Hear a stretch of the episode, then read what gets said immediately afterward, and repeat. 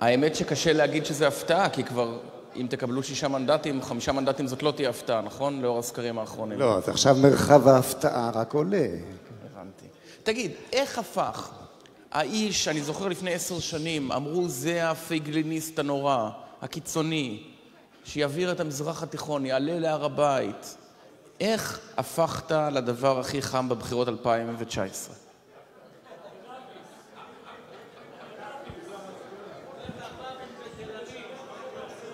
שמעת את ההסברים מהקהל.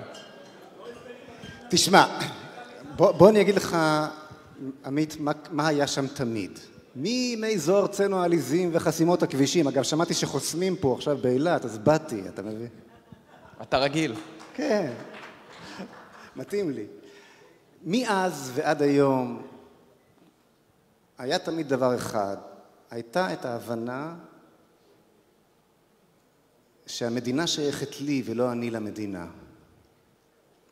ואתה יודע משהו? זה כל כך מתחבר למה שקורה כרגע כאן בכנס הזה.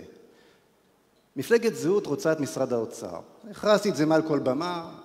לא רוצים, אנחנו לא רוצים לעזור לכם, אבל אז רצים לביטחון או למדיניות החוץ. רוצים לעזור לכם, אז מבקשים את האוצר. תבחנו פה מי באמת רוצה לעזור לכם, אפרופו. בכל אופן, אנחנו רוצים את משרד האוצר לא כדי לתת משהו. אנחנו רוצים את משרד האוצר בשביל להפסיק להפריע.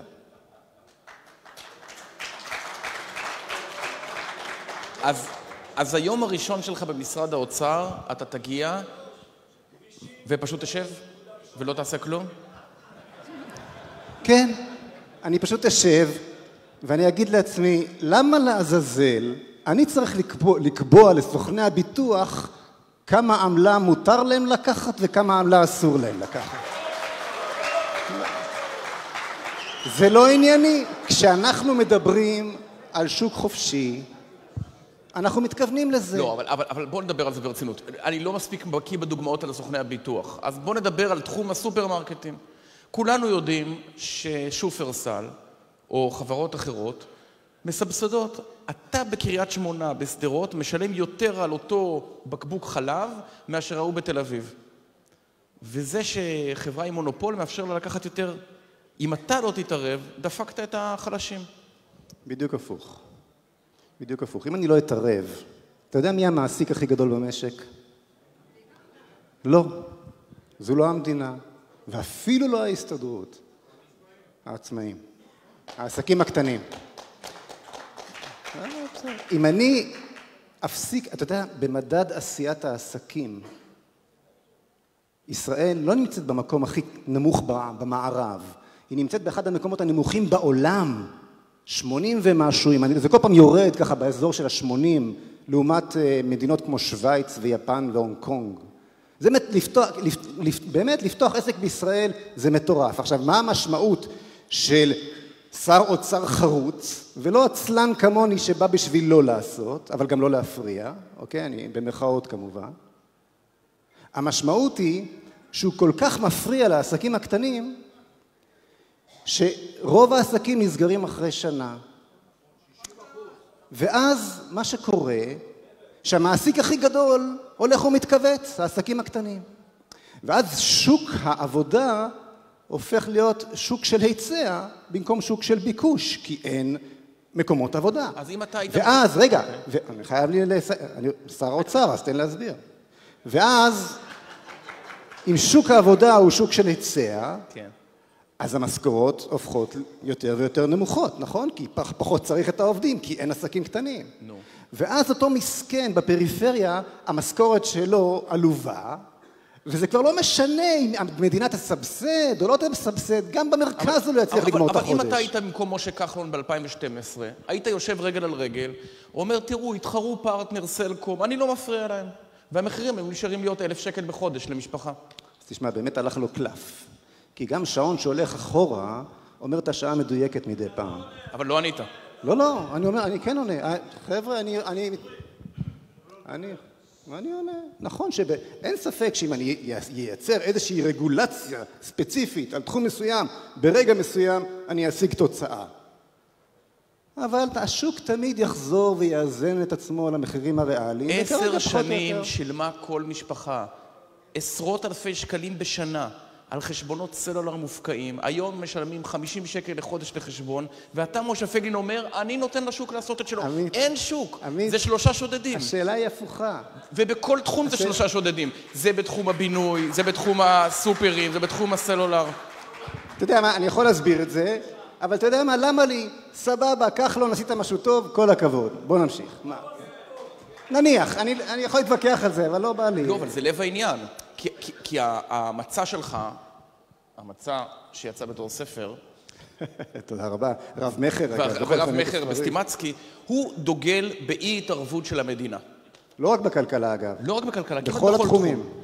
האם לא, למעט צריך, ביטחון, כמובן.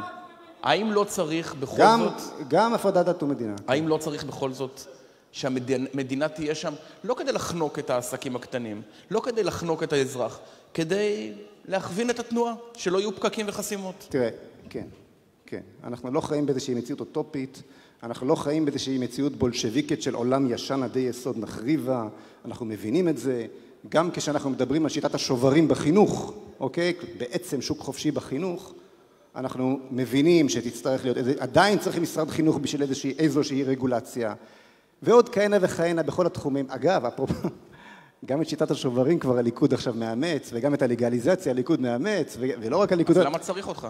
אתה יכול לפרוש, זהו. לא, יש אה- סמים, יש שוברים. לא, תשמע, זה תענוג לראות, באמת. זה תענוג לראות שמפלגת זהות מייצרת את האג'נדה. מייצרת את האג'נדה, מתחילה ללכת לאיזשהו כיוון, סוף סוף, אפרופו זה, מפלגה שמכבדת אתכם, חבר'ה, אומרת מה היא רוצה בכל התחומים, לא, לא, לא מפריחה סיסמאות, הרי כל, ה, כל הבחירות האלה הן סביב מה? סביב מי ששונא את ביבי שיבוא אליי, מי ששונא את השמאלנים שיבוא אליי. זה הכל סביב שנאה והפחדה, לא תוכן ותקווה. וכאן יש מפלגה שבאה ומדברת ומציעה אג'נדה מסודרת ומתכוונת למה שהיא אומרת ומתנהל כרגע קמפיין מטורף נגדי, זה, זה, אני, אני לא יודע איפה, ל- אני כבר צריך מאבטח, כן, אמיתי, איומים ברצח. כי מה? מי איים עליך? מאיימים עליי ברצח, אני. ברצינות. אוקיי. אה, מהשמאל. מהשמאל. כן. אה, למה? איפה, איפה הוא, מה הוא מסתיר, הדמון הזה? הוא בטח מסתיר משהו, אתם מבינים? מישהו שכותב על 344 מה הוא רוצה לעשות, מסתיר משהו. אוקיי, כן, אפשר שאלה, בבקשה.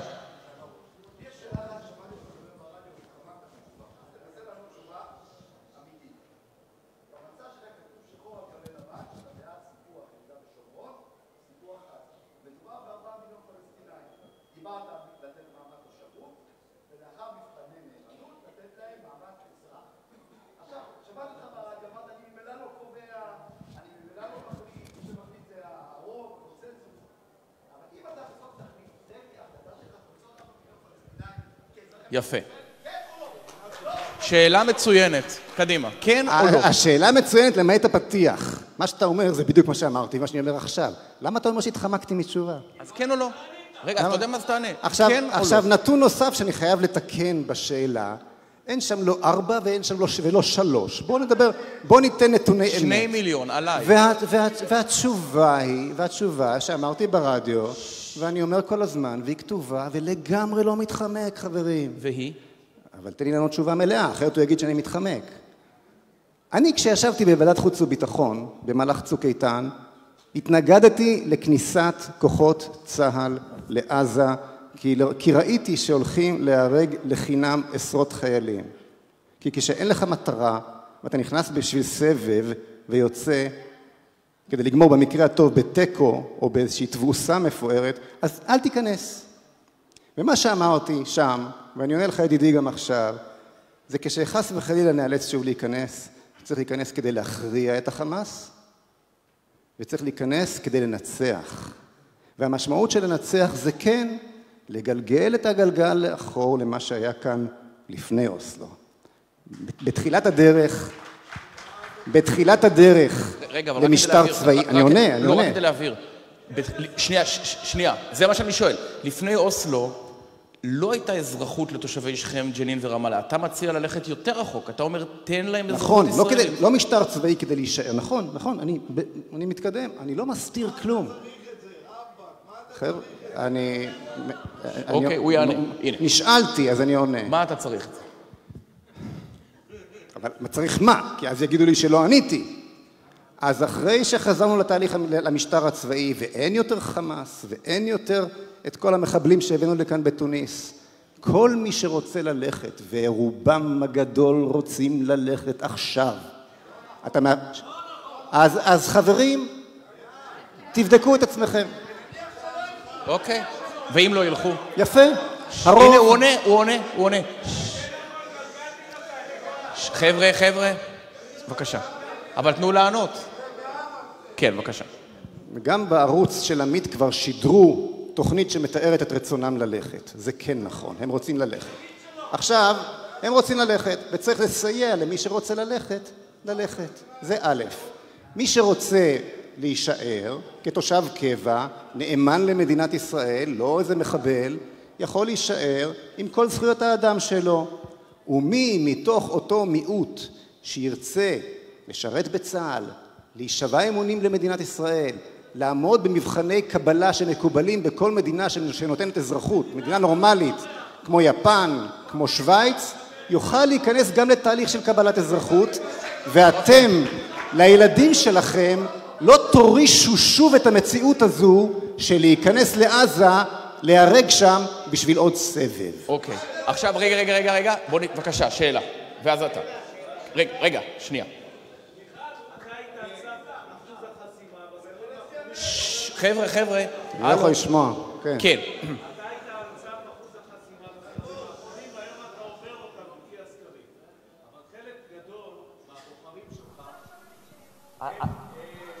אני מיד אחזור לשאלה. לגליזציה. מיד, רגע, חבר'ה, חבר'ה.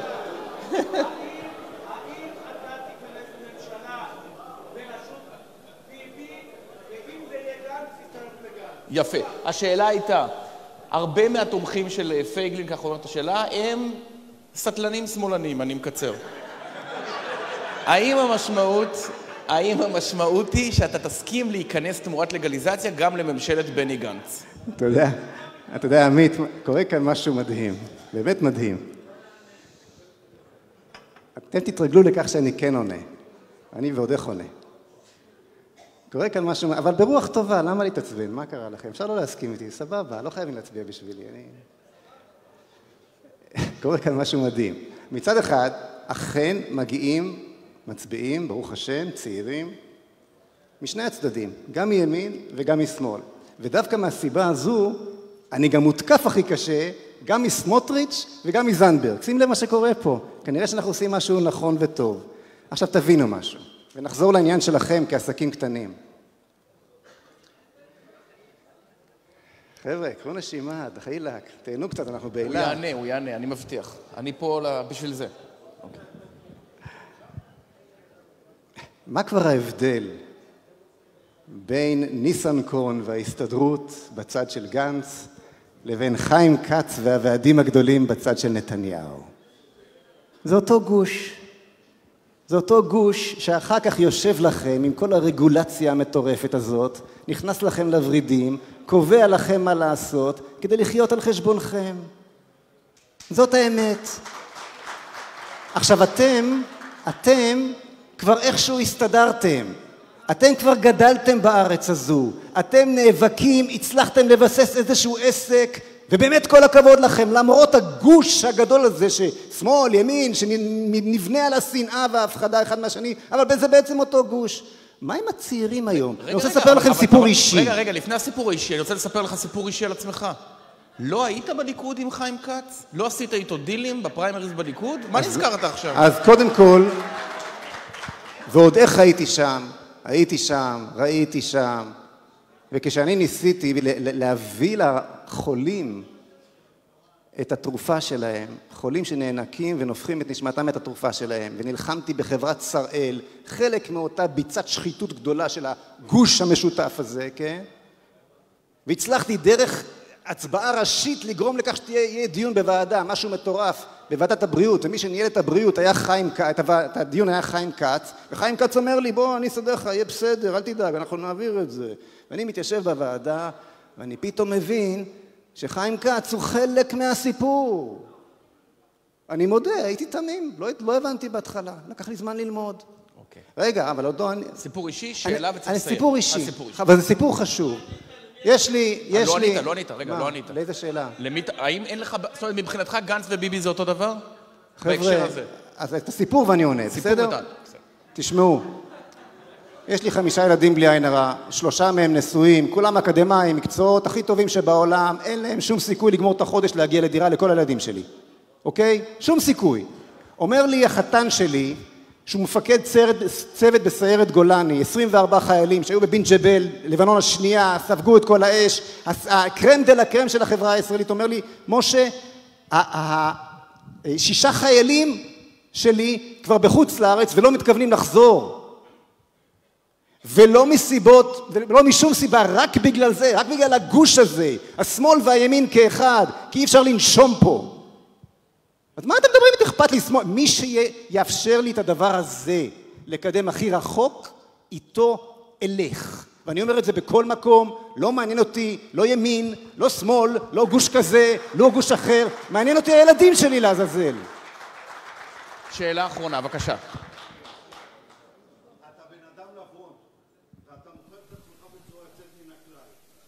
אני אחזור על השאלה. יש כאלה בקרב הערבים שלא רוצים, לא תומכים במדינת ישראל ולא רוצים לעזוב. מה תעשה אותם? איתם, תגרש אותם? מה יהיה עם אותם, השאלה הייתה, מה יקרה עם אותם ערבים שלא רוצים להיות חלק מישראל ולא רוצים לעזוב? האם הם לא יהיו עצם בגרון? תשמע, הבוקר, הבוקר, ממש סיפור מעכשיו. אני ממלא דלק בתחנת פז חורשים, בדרך לשדה התעופה. רץ אליי בחור, שעכשיו אני יודע את שמו, קוראים לו זיאד. אומר לי, יש לך שלט, אני רוצה לשים על הבית. שאלתי אותו, מאיפה אתה? הוא אומר לי, מכפר ברא. ותביא, יש לי חבו... תביא הרבה, תביא, ולא היה לי, ביקשתי ממשה בסוס, צעקתי לו, יש לך, נשארו לך שלטים, תביא, תביא, תביא, אני רוצה את זה. כן, גם הציבור הערבי רוצה שוק חופשי, תתפלא. גם לציבור הערבי יש בשורה של זהות, כשלי יש את הזהות שלי, אוקיי, יכול, יכול, יכול להיות לי יופי של שלום איתך עם הזהות שלך. כשהזהות לא ברורה, תהיה פה מלחמה לנצח. משה פייגלין, יושב ראש זהות, תודה רבה לך. בבקשה. ותודה רבה לכם.